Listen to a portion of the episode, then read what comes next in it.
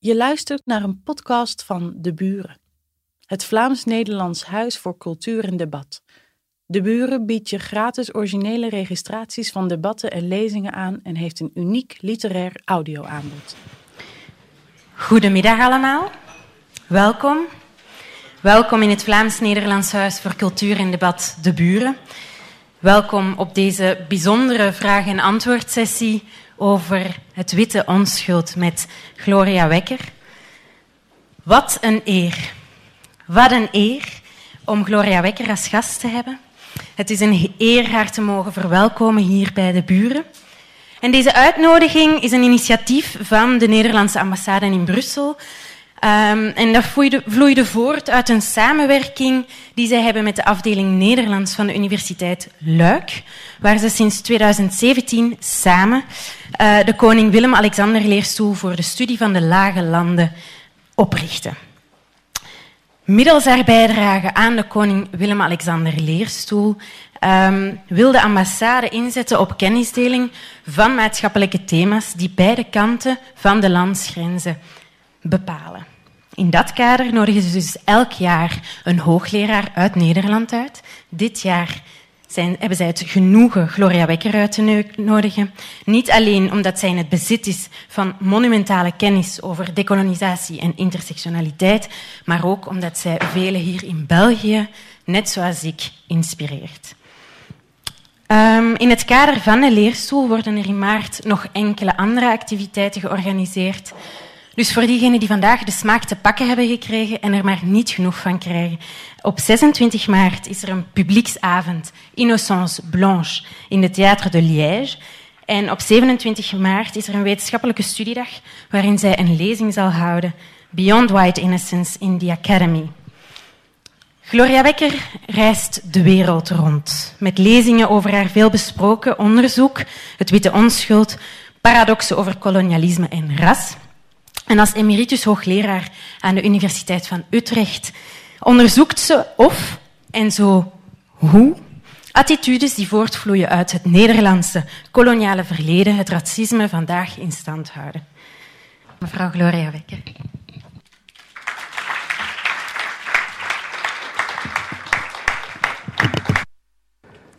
Dank jullie wel, um, Shishani en Manti. Mooi hebben jullie deze middag geopend. Dank jullie wel dat jullie in zo grote getalen gekomen zijn op een door de weekse dag. Um, dus ik wil wel even kort wat vertellen over de achtergrond van mijn boek uh, Witte Onschuld. En trouwens eerst even de buren bedanken uh, voor deze gelegenheid en de Nederlandse ambassade om met jullie in gesprek te gaan. En natuurlijk dat alles binnen het kader van het gasthoogleraarschap dat ik dit jaar heb aan de Universiteit van Luiken. Johan Zonneschijn is hier uh, die veel organiseert daaromtrent. Dus dit boek Witte Onschuld, het heeft heel lang geduurd. Het heeft heel lang in mijn hoofd rondgezongen. Er kwamen voortdurend incidenten, gebeurtenissen voor in Nederland, waarbij ik dacht, dit vormt onderdeel van een patroon waar ik ooit over moet gaan schrijven. Maar er was nooit tijd voor. Ik uh, als hoogleraar um, um, werd het al maar drukker, uh, meer taken, minder ondersteuning dus ik was al blij als ik een artikel kon schrijven. Dat moest meestal s'nachts gebeuren of in de weekenden, dus voor een boek was helemaal geen tijd. Um, tot ik in uh, eh, 2012 dacht, um, dit gaat te lang duren. Als ik moet wachten tot ik met emeritaat kan, uh, dan moet ik nog zoveel jaren ik ga een belangrijke beslissing nemen. Dat is namelijk dat ik met vervroegd pensioen ga, zodat ik dit boek kan gaan schrijven. Dat is natuurlijk een spannende stap, een stap in het duister, want wie weet hoe dat verder zal gaan. En uh, ja, of ik nog uh, brood op de plank zou krijgen. Ehm, achteraf gezien kan ik zeggen dat dat een van de betere beslissingen in mijn leven is geweest die ik ooit genomen heb. Om niet meer voor zekerheid te gaan, maar voor datgene wat mijn passie was. Dat ik echt wilde. Ik wil dit schrijven. Ik moet dit schrijven. Uh, ik heb dat al vaker in mijn leven gedaan, dus waarschijnlijk was ik een beetje minder bang uh, om het te doen. Ik, ik zal wel, wel, zien hoe dit uh, zou verlopen. Ik ben eerder, toen ik een vaste baan als ambtenaar had bij de gemeente Amsterdam, heb ik ook besloten om weg te gaan um, uit Amsterdam en te gaan promoveren in de Verenigde Staten. Toen was ik 37. Uh, daarvan da zeiden mensen ook, hoe durf je dat? Uh, wat gaat er met je gebeuren? Enfin, dit is er met me gebeurd. Um, dit is ook belangrijk om te zeggen, om de Verenigde Staten te noemen. Omdat het zo is dat ik heel erg het gevoel had, als ik wil gaan promoveren, dat zal gaan over zwarte vrouwen. Ik wil een bijdrage leveren aan de kennis over de levens van Afro-Surinaamse vrouwen. Hoe ze hun hoofd boven water houden in de veelvuldige crisis die de Surinaamse samenleving teisteren. Maar ook heel belangrijk wilde ik schrijven over hoe ze hun leven seksueel vormgeven. En het was me duidelijk dat ik daarvoor niet in Nederland kon blijven, dat ik naar de Verenigde Staten moest gaan om meer te weten te komen over feministische studies, over ras en over intersectionaliteit. Dat was het denken dat mij heel erg aantrok. Um, dat is dat je niet alleen over gender nadenkt, maar tegelijkertijd ook altijd vraagt: wat is in een bepaalde situatie of in een bepaald fenomeen, wat heeft dat met ras te maken? is er iets met klasse aan de hand en met seksualiteit. Al die vier belangrijke grammatica's van verschil, die komen aan de orde in mijn denken. Dat denken trok me heel erg aan. Terwijl in Nederland, binnen vrouwenstudies, genderstudies, gender op zich genomen werd. Dus alleen het verschil tussen mannen en vrouwen stond op de voorgrond, terwijl ik ervan overtuigd was dit kan het hele verhaal niet zijn.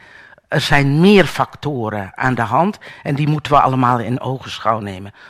Kortom, daarmee wil ik zeggen dat de tijd die ik in de Verenigde Staten heb gehad, uh, in, uh, in LA, UCLA, dat die mij ontzettend gevormd heeft qua denken. En uh, dat toen ik terugkwam in Nederland, ik echt schrok van de dingen die er op raciaal gebied gaande waren. De dingen die mensen konden zeggen als grapje. Uh, hele beledigende, ondermijnende uitspraken. Maar ook als je keek naar het hele sociale veld, wat er gaande is in onderwijs, in de rechtspraak. Um, op allerlei verschillende terreinen zie je dat ras een heel bepalende grammatica van verschil is. Die witte mensen voordeel oplevert en mensen van kleur op achterstand zet.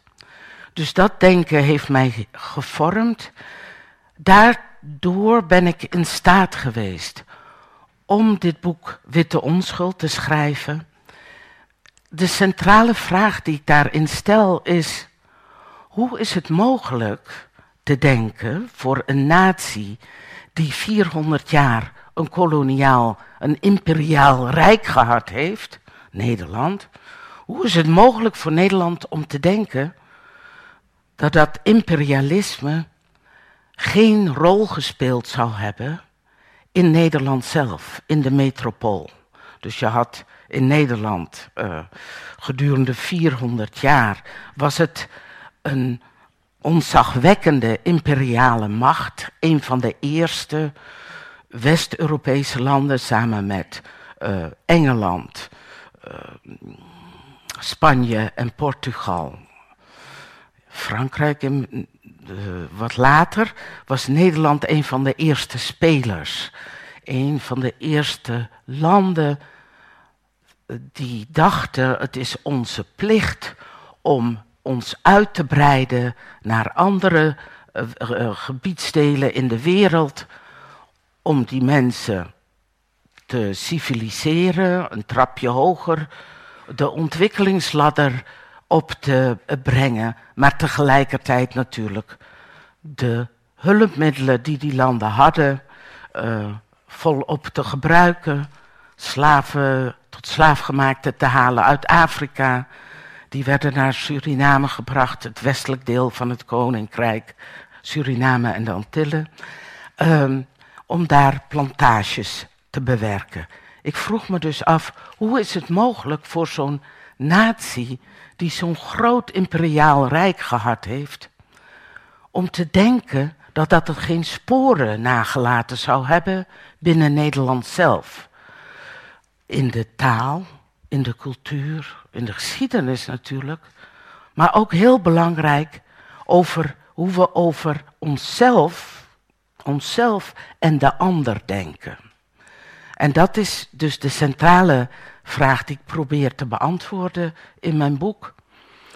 En het probleem bij het schrijven was niet zozeer hoe kom ik aan materiaal. Er was materiaal te over. Ik moest echt kiezen op welke domeinen ga ik mij richten. Dus ik heb mij in het boek bezig gehouden met alledaags racisme. Wat, uh, wat gebeurt er op dagelijkse basis aan racistische uh, uitingen? Microagressies wordt het tegenwoordig ook uh, genoemd. Eigenlijk loopt dat ook door het hele boek heen. Maar ik uh, analyseer dus een aantal alledaagse gebeurtenissen.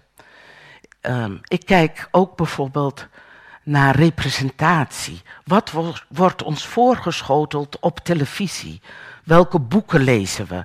Op welke manieren wordt ras daarin verbeeld?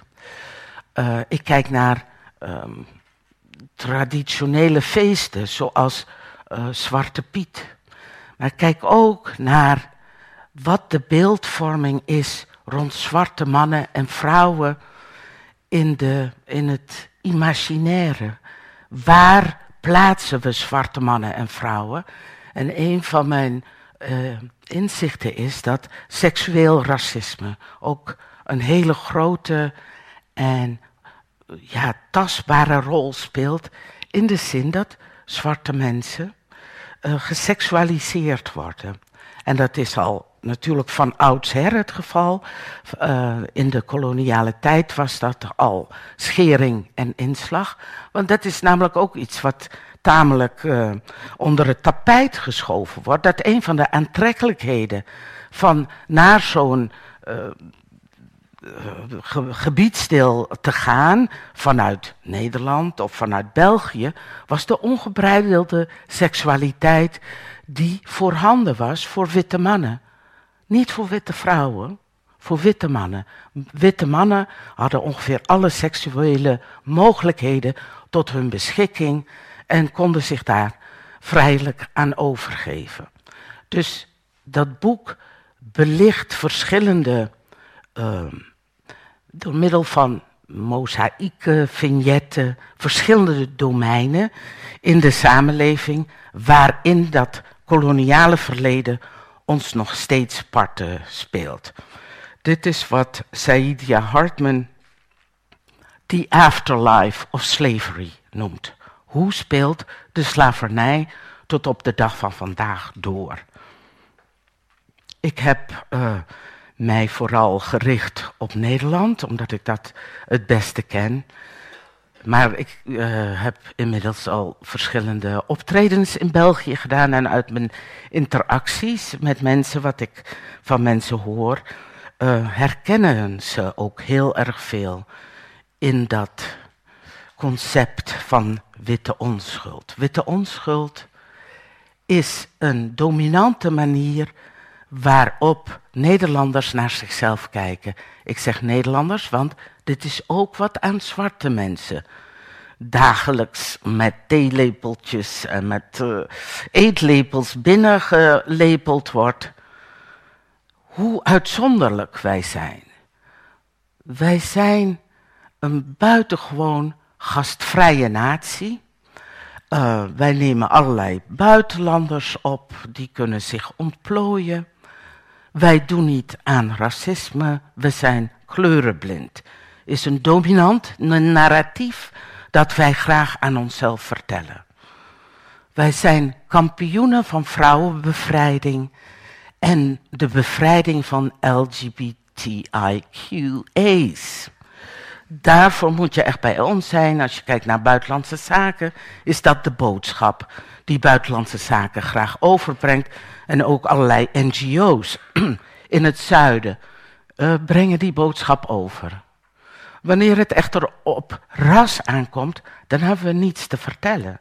Ook vanuit het idee, wij doen niet aan ras. Wij zien kleurverschil niet. Hebben wij niets over ras te melden, dus zijn het juist uh, internationale lichamen zoals de VN en ECRI vanuit de EU, die Nederland er keer op wijzen hoe structureel het racisme is.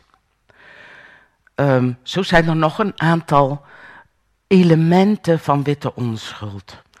Um, een van de tekenen waaraan ik het heel duidelijk ook kan aflezen, is onze linguïstische neiging om dingen die met kleur te maken hebben, een uh, verkleinwoord aan toe te voegen. Iemand met een kleurtje. Ik haat die uitdrukking. Iemand met een kleurtje. Hoezo tje? Het is iemand met een kleur. Allochtoon wordt allochtoontje. Um, dit alles wil aangeven, kijk, dat is zo onbelangrijk. Daar kennen wij geen betekenis aan toe. Dit is dus een zelfflatterend, dominant zelfbeeld, waar tegenover ik stel hoe al die verschillende factoren die white innocence opmaken, hoe die onderuit gehaald worden wanneer je vanuit een zwart perspectief gaat kijken. Hoe er niets overblijft van die witte onschuld. Um, er is veel meer te zeggen, maar ik denk dat ik het van u hier even bij zal laten en aan jullie de gelegenheid zal geven om vragen te stellen. Dankjewel. Um, ik stel voor dat, uh, dat, we beginnen aan de vragen. Um, heeft er iemand een vraag? Of nog niet? Ja?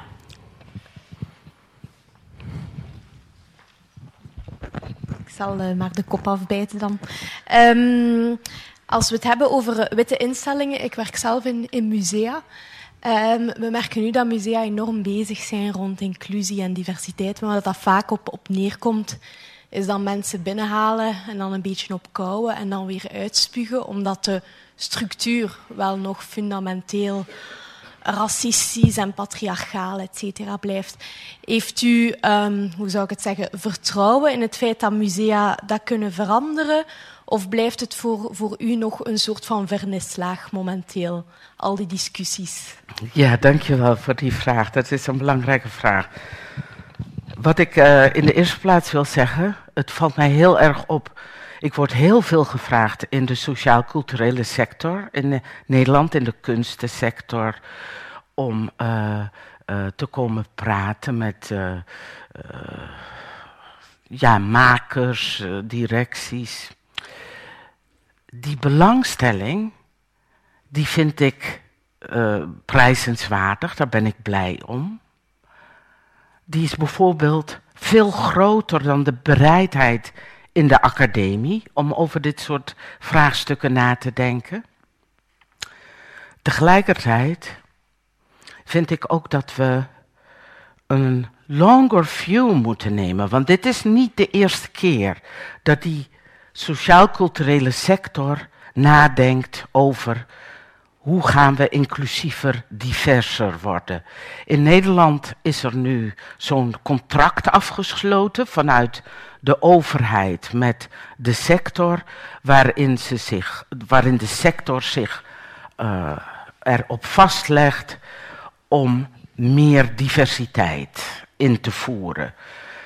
Uh, in het uh, personeel, ook in de producten, de voorstellingen die uh, gemaakt worden, in de acteurs, actrices, maar ook in de top van zo'n organisatie. Dus wat we heel veel gezien hebben tot nu toe, is dat mensen van kleur die binnenstromen, en dat gebeurt maar mondjesmaat, hè? dus uh, van die klasse acteurs die ieder jaar afgeleverd worden, laten we zeggen dat het er een stuk of uh, 22 of 25 zijn, dan als er één of twee binnenkomen bij een vast gezelschap, dan is dat al veel. Dat zet natuurlijk geen soda aan de dijk. Net zo min als uh, het toekennen van uh, een hele grote toneelprijs aan Romana Vrede, die bij het Nationale Toneel, stertoneelspeelster is. Echt prachtige speelster. En het is leuk, maar hoeveel soda zet dat nou aan de dijk? Dus ik vind heel vaak dat er voor de bühne uh, gesproken en gedaan wordt. Terwijl je, het gaat hier om macht waar we mee te maken hebben. Macht die verdeeld moet worden. Ik hoor op sommige bijeenkomsten directeuren zeggen, die bijvoorbeeld in de zestig zijn. En wat ik zou willen gaan doen, is dat ik mijn opvolgers klaar ga stomen. Bijvoorbeeld uh, een, een, groepje, gemengd groepje opvolgers, die ga ik opleiden. En dan stap ik er ook eerder uit. En ik denk dat het heel belangrijk is dat je daar in de top verandering krijgt. En niet alleen maar vanaf de bodem. Uh, dus mensen die voor één of twee producties worden aange, uh, aangevlogen en vervolgens weer door de draaideur naar buiten verdwijnen. Maar dat er zowel van boven als van beneden verandering optreedt.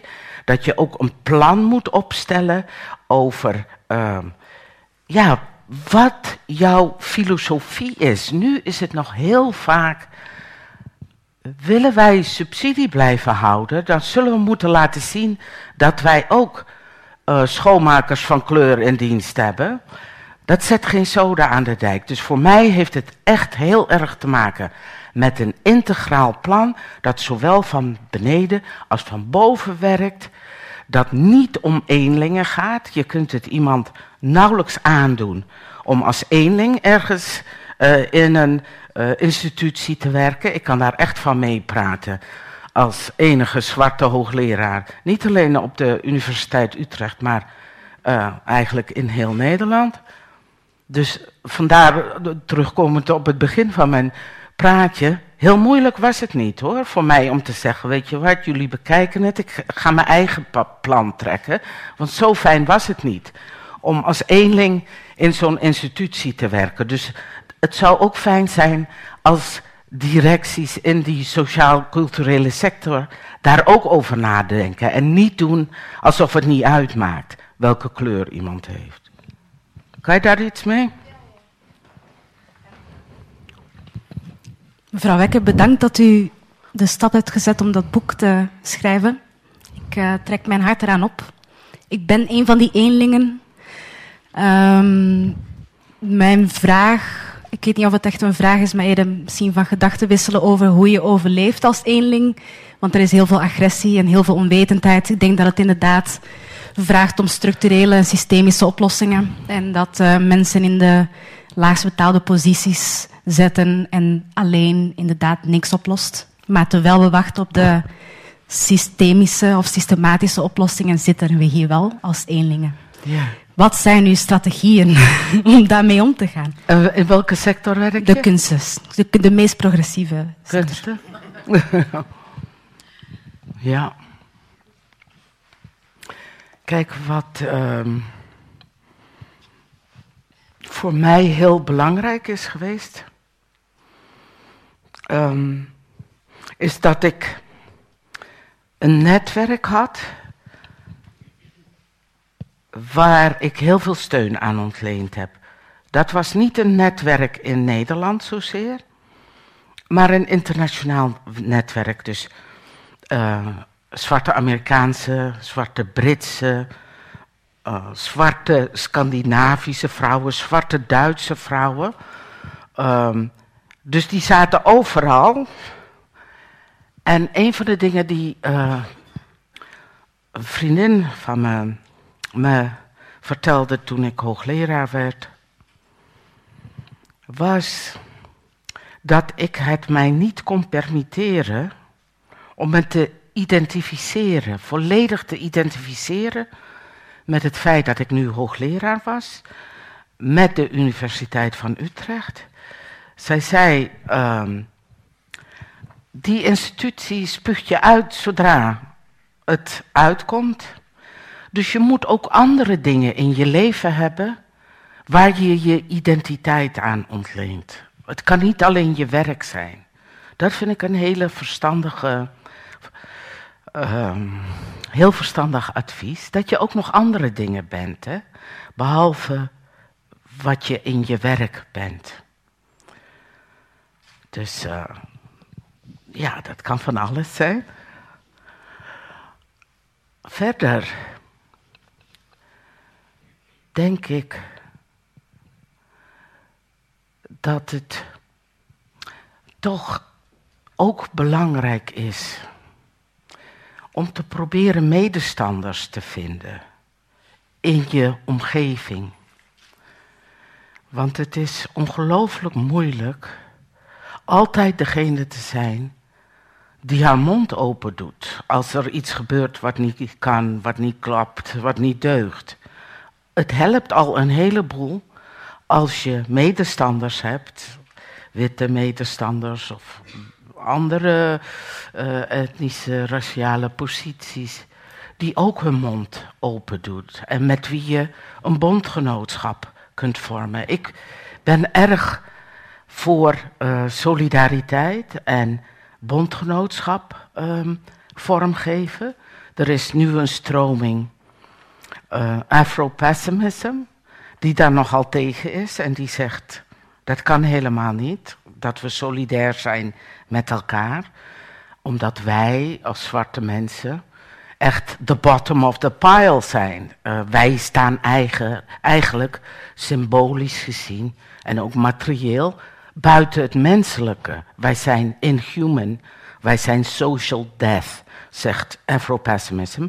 En daarom um, heeft iedereen er baat bij dat wij in die positie blijven en kunnen wij eh, geen bondgenootschappen vormen met anderen. Ik ben het daar niet mee eens. Ik vind het een buitengewoon uh, armoedige uh, outlook on the world en op mensen. Ik denk dat we nergens zijn als we geen bondgenootschappen met elkaar kunnen vormen.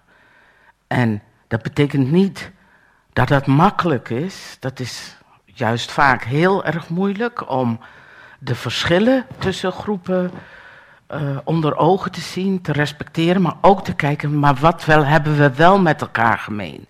Waar kunnen we wel in samenwerken en elkaar in ondersteunen?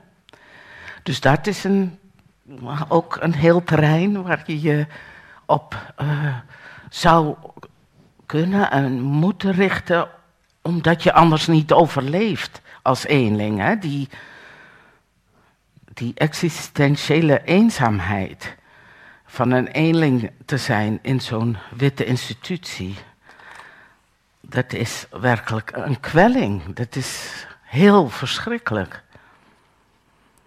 Um, dus voor je eigen overleving is het belangrijk dat je dus dingen buiten je werk hebt waar je waarde aan ontleent, die je blij maken. Wat mij heel erg blij maakt nu in Nederland is het ontstaan van de politieke partij Bijeen. uh, de eerste politieke partij, denk ik, uh, in Europa, misschien wel in de. Nou, de, de, zover wil ik niet gaan in de wereld. Eerste politieke partij in Europa die opgericht is door een zwarte vrouw. Uh, die geheel uitgaat van intersectionaliteit. onze twee centrale punten zijn radicale gelijkwaardigheid en economische gelijkheid. Dus het is een hele diverse club. We hebben nu één zetel in de gemeenteraad in Amsterdam. Volgend jaar doen we mee met de verkiezingen in, uh, voor het parlement. Dat is iets wat mij ontzettend blij maakt. Dus ik hoop dat je ook zoiets kunt vinden buiten je werk om, waaraan uh, je vreugde ontleent en je minder eenzaam voelt. Is er nog een vraag van iemand? Um, wat denkt u van de, de rol van, de, van het onderwijs eventueel om kinderen te leren communiceren over cultuur in één huidskleur heen? Dus alles wat polariseert eigenlijk. Om daar een soort van ja, communicatietaal te ontwikkelen in het onderwijs. Bedoel, bedoelt u uh, op lager onderwijs of alle ja, lager? al van in het begin, van, van de lagere ja. school af. De soort van werkgroepen of dat we leren kijken met een andere bril. Ja. Ik denk dat de rol van het onderwijs ongelooflijk belangrijk is. Dank voor die vraag. Ik uh, heb het daar ook uh, vaak over. Ik zou eigenlijk willen uh, dat kinderen al vanaf de lagere school leren denken in termen van wie zijn wij nou eigenlijk? Uh, dus dat ze intersectioneel denken op hun niveau aangereikt krijgen. Dus die mantra van wij zijn allemaal gelijk. Kijk, daar heb je Mohammed, die is ook, die is net hetzelfde als jij, wit kindje. Dat is allemaal mooi en aardig. Maar er zijn natuurlijk wel verschillen. Ik vind het kwaadaardig om kinderen niet al vanaf de lagere schoolleeftijd te leren welke pakketjes ze op hun rug meedragen. Dus pakketjes waarin inhoud zit met betrekking tot gender, tot ras, etniciteit, klasse en seksualiteit als belangrijke grammatica's van verschil. En dat die grammatica's verschillende inhoud hebben voor verschillende kinderen. Dat moet natuurlijk op hun niveau uitgelegd worden. Daar moet onderwijsmateriaal voor ontwikkeld worden.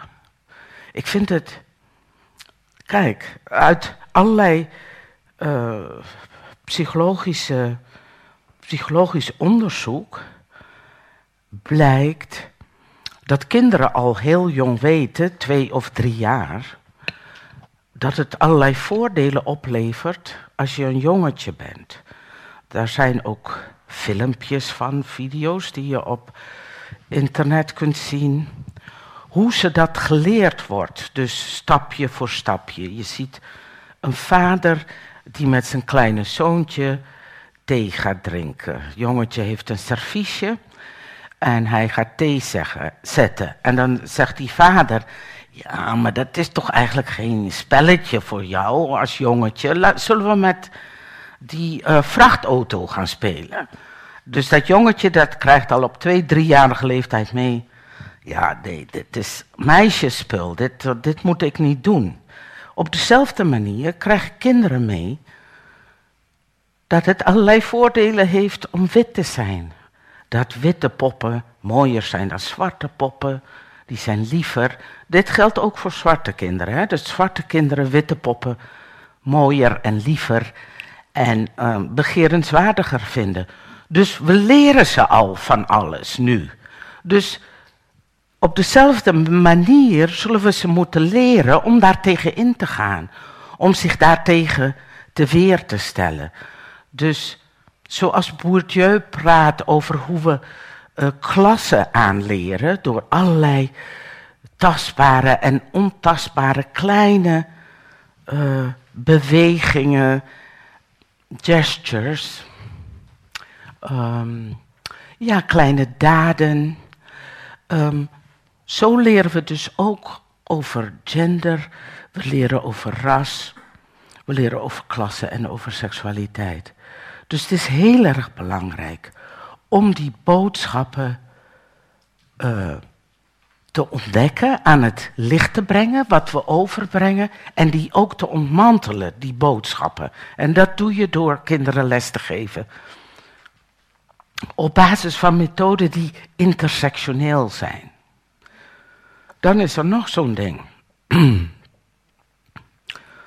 Onderwijsgevenden zelf hebben natuurlijk ook allerlei beelden in hun hoofd zitten over wat dat kind gaat worden, wat die voor um, kwaliteiten in huis heeft, waar het kind voor vervolgonderwijs naartoe moet.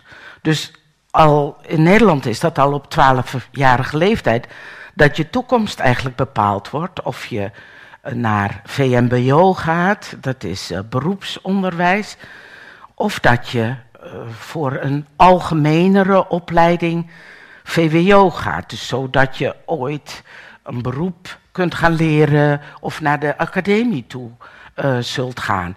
Die beelden die onderwijzers en onderwijzeressen in hun hoofd hebben zitten, die zij in hun hoofd hebben, die moeten natuurlijk ook ontmanteld worden, want dat voorspelt ook niet veel goeds. Dat brengt niet veel goeds voort. Dit is nu de eerste keer dat de politieke partij Bijeen in de Amsterdamse gemeenteraad heeft voorgesteld om daar een onderzoek naar te doen. Dus wat voor adviezen welke kinderen krijgen en wat daaruit af te leiden valt. En mind you, toen mijn familie in Nederland kwam wonen, mijn uh, familie van oorsprong was een van de eerste zwarte gezinnen die in Nederland kwam wonen in 1951. Um, toen hadden we met hetzelfde verschijnsel te maken. Dus mijn oudste broer was acht, ik was één. Um, en mijn oudste broer, die moest allerlei testjes doen toen hij acht was. En dat ging allemaal over de seizoenen in Nederland. En hij bracht daar niet veel van terecht.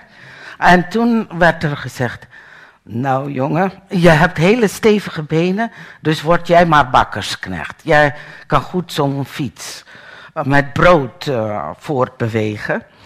Uh, gelukkig uh, waren mijn ouders daar niet van gediend. Dus die zijn daar niet mee akkoord gegaan. Maar hoeveel ouders hebben die kracht in zich om de onderwijzer tegen te spreken? Hè? Dus in mijn familie is dit een zo bekend verschijnsel dat je voortdurend ondergewaardeerd wordt. Ik heb dat zelf ook heel erg in mijn uh, carrière meegemaakt. Dan had ik een heel goed, um, goede boekreview geschreven. Het was in mijn tweede jaar als student antropologie aan de UvA. Ik had een boekreview geschreven over interculturele communicatie, boek van Watzlawick, ik kan me dat nog herinneren. Daar had ik een negen voor, maar toen vroeg de docent, heb jij het zelf geschreven? What the fuck? Uh, weet je wel? Dus dat soort dingen van dat je ondergewaardeerd wordt, dat je kwaliteiten niet gezien worden, dat is zo fnuikend voor iemands zelfvertrouwen. Dus dit zit in de onderwijsgevende. Ik vind het een net zo belangrijk aspect van het onderwijs dat die inhoud die daar zit, dat die aan het licht gebracht wordt en ontmanteld wordt. En dat het dus niet meer zo is dat als je van kleur bent, dat je 5000 omwegen moet maken om daar te komen waar je wilt zijn.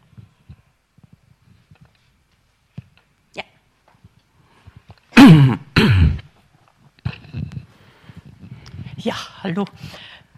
Ik moet u spijtig genoeg zeggen dat niet alleen in Nederland mensen hun beroepskeuze wordt aangeraden op basis van kleur en naam. Mijn kinderen zijn allemaal dertigers.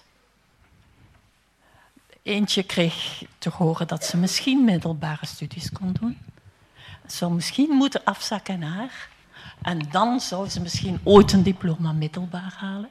Ze is ondertussen psychologe al mijn kinderen. Mijn oudste dochter studeert af als verpleegster. Ze krijgt van haar stagebegeleider te horen. Sorry, als dat mij lag, was je nooit verpleegster geworden. Mijn kinderen zijn dertigers, dus dat is nog niet zo lang geleden. Zeker. En Ja. waarom? Omdat, in mijn opinie, de oudste mensen het meest racisme inné hebben. Hoe zeg je dat in het Nederlands? In zich hebben, in zich meedragen. Ja, gewoon zo racistisch zijn dat ze zelf niet beseffen dat ze racist zijn. Ja, als ik het zo mag zeggen. Ik moest dat even kwijt. Sorry. Ja, dank u wel. Is er nog iemand met een vraag? Ja.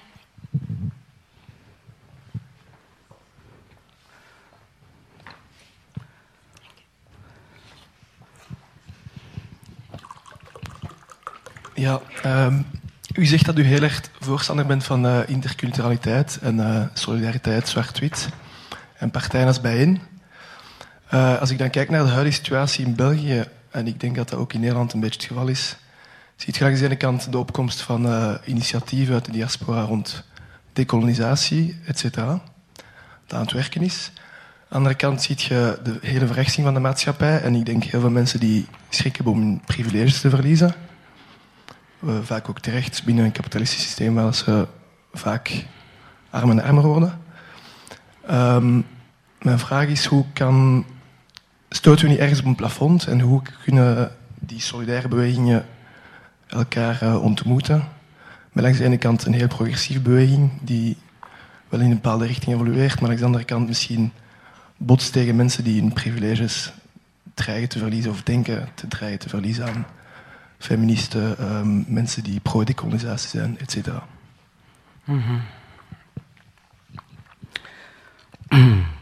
Ja, je hebt gelijk dat eh, het in de politiek, maar ook in de maatschappij als geheel, steeds eh, de meningen extremer lijken te worden.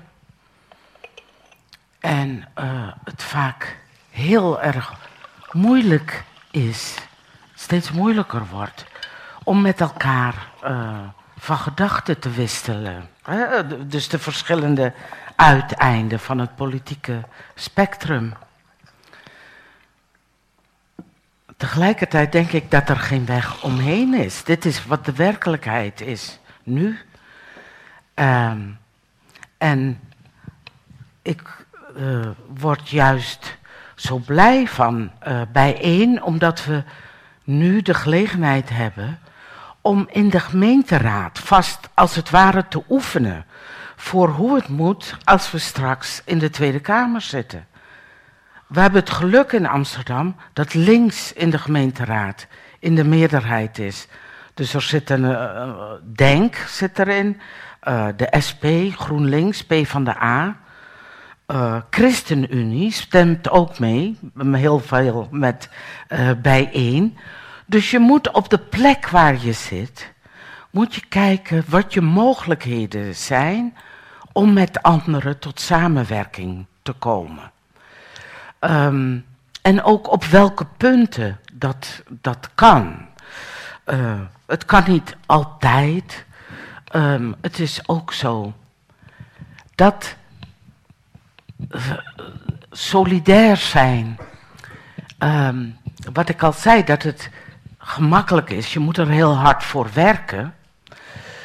Maar dat is wel de weg die ik zie die we moeten bewa- bewandelen. Is net zoals rechts steeds talrijker wordt. ehm, ook coalities sluit met elkaar. Die toxisch zijn vaak, vind ik, die eh, coalities op rechts. En je zou denken, als je al de ervaring hebt, zoals in Nederland, hoe het is om samen te werken met een extreme rechtse partij. Of gedoogd te worden door een extreme re- rechtse partij. Wat er in die periode in Nederland, eh, toen eh, de VVD aan de macht was, samen met het CDA, gedoogd door de PVV. Wat er toen allemaal aan kaalslag is gepleegd hè, in de sociaal-culturele sector. Maar ook in het onderwijs. Echt op allerlei terreinen waarvan de PVV zei. Nou, dat is uh, onzin, dat uh, gaan wij niet ondersteunen. Allerlei initiatieven waarin toen al een begin gemaakt werd met zorgen voor meer diversiteit. Dat is allemaal gemillimeterd. Daar zitten we nu nog van met de ge gebakken peren van die periode uh, in de parlementaire geschiedenis.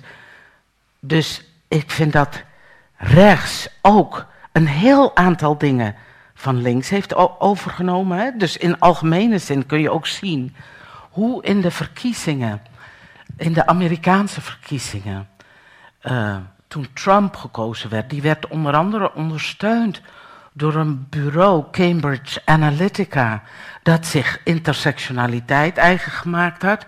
Oh my god, terwijl ik altijd dacht, intersectionaliteit is het meest vooruitstrevende, het meest progressieve wat je kunt doen. Blijkt dus dat het op allerlei manieren gebruikt kan worden. Dus je ziet dat, dat rechts ook methoden van links overneemt. Toch denk ik dat er geen andere weg voorwaarts is dan stap voor stap, steen voor steen, die coalities op links te blijven bouwen. We hebben ruimte voor een allerlaatste vraag. Ja, ik zie daar een vraag.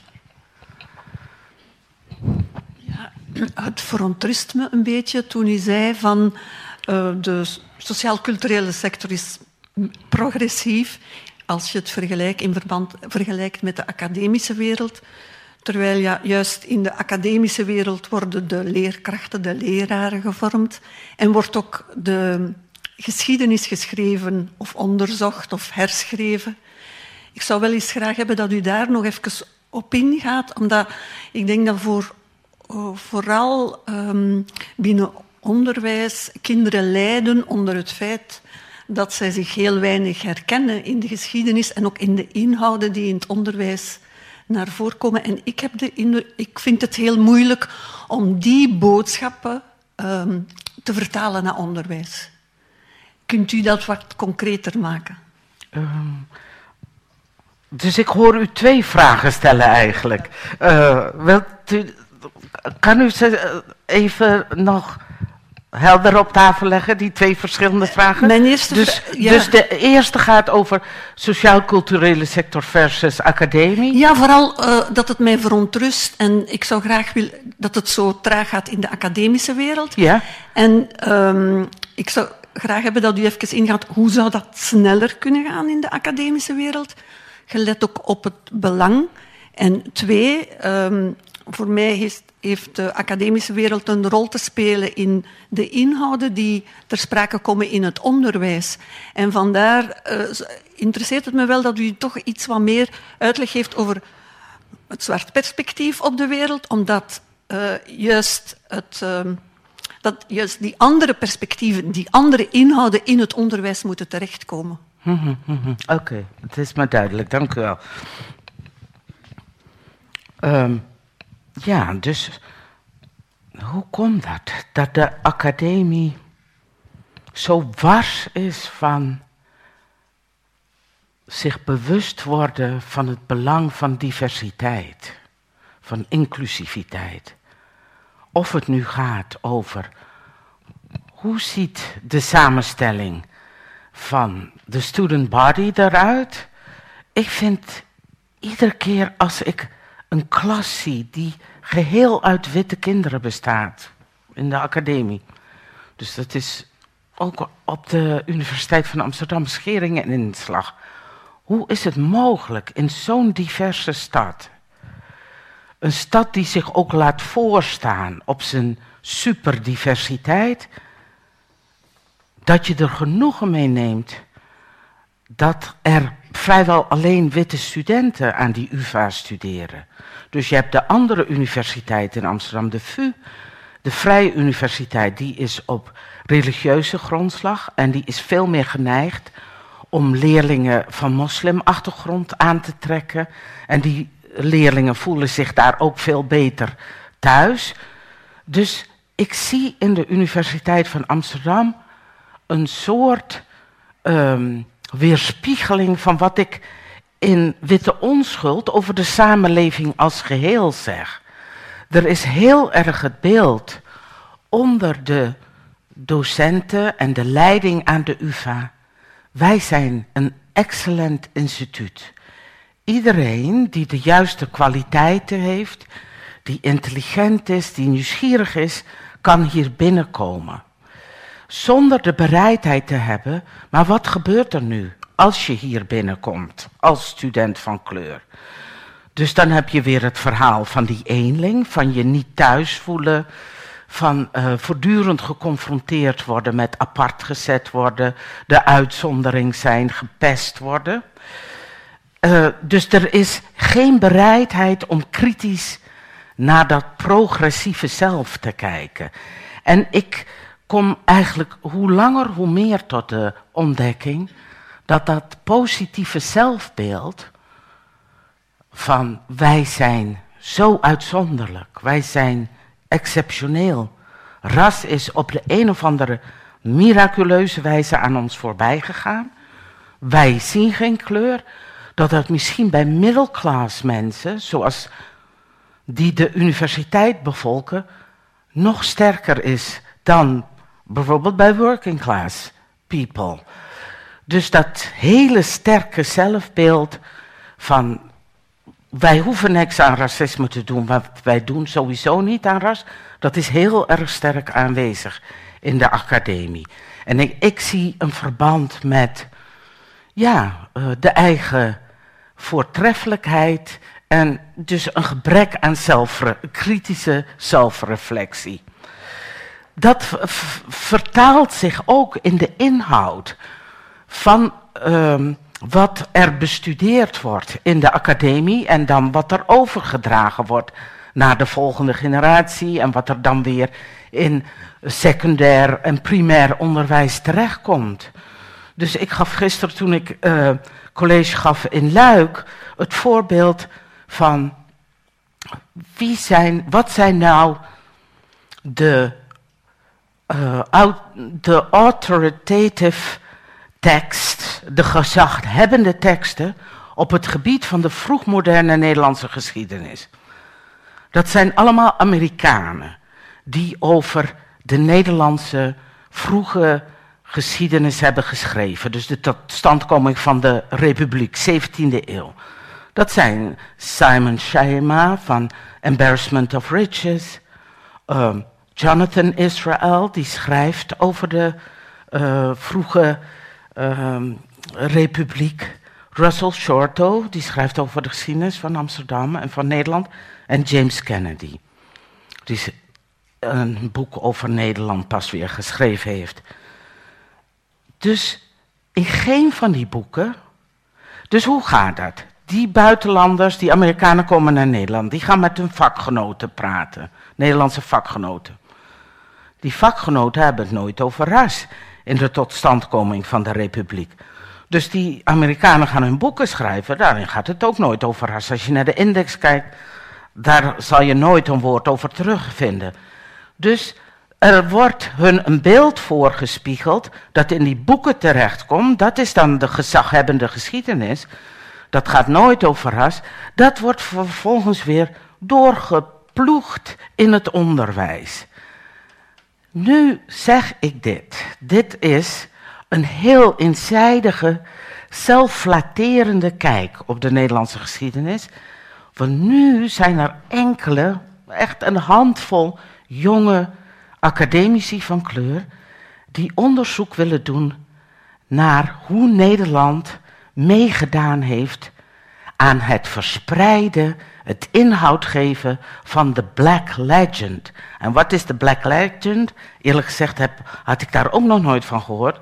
Het is een serie teksten die gaat over Spanje. Dus tijdens de uh, eh, 80-jarige oorlog is er een serie teksten en representaties waarin Spanje neergezet wordt als ongeciviliseerd, barbaars, heel zwart, veel Joden, veel Moren, veel uh, islamieten wonen daar. Dat is heel anders dan wie wij als die republiek in het noorden zijn. Wij zijn geciviliseerd en wij zijn wit. Maar dit verhaal, dat is dus niet het dominante verhaal. Dus dat wordt nu door enkele jonge academici van kleur opgepikt als een interventie om te laten zien hoe ras wel degelijk aanwezig is geweest in de totstandkoming van die vroeg moderne Nederlandse geschiedenis. Dus ik ontleen daar uh, uh, vreugde aan en ik ben daar hoopvol over. Maar we zijn pas aan het begin van deze ontwikkelingen. We zijn in 2020. Kijk, in de Verenigde Staten zijn zwarte mensen al in de 19e eeuw begonnen met schrijven. Over wat betekent het om wit te zijn. Mijn boek is van 2016, dus we lopen zo'n beetje twee eeuwen achter bij de Verenigde Staten. Dus kortom, er is veel werk aan de winkel. Zouden jullie nog een uh, hartelijk applaus willen geven aan Gloria Wekker?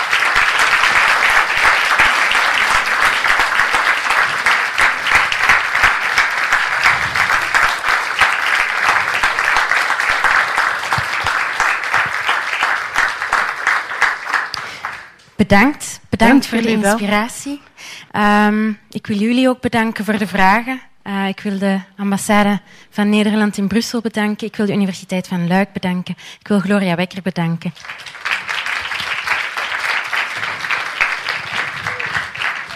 Je luisterde naar een podcast van De Buren. Het Vlaams-Nederlands Huis voor Cultuur en Debat. Benieuwd naar ons literaire aanbod?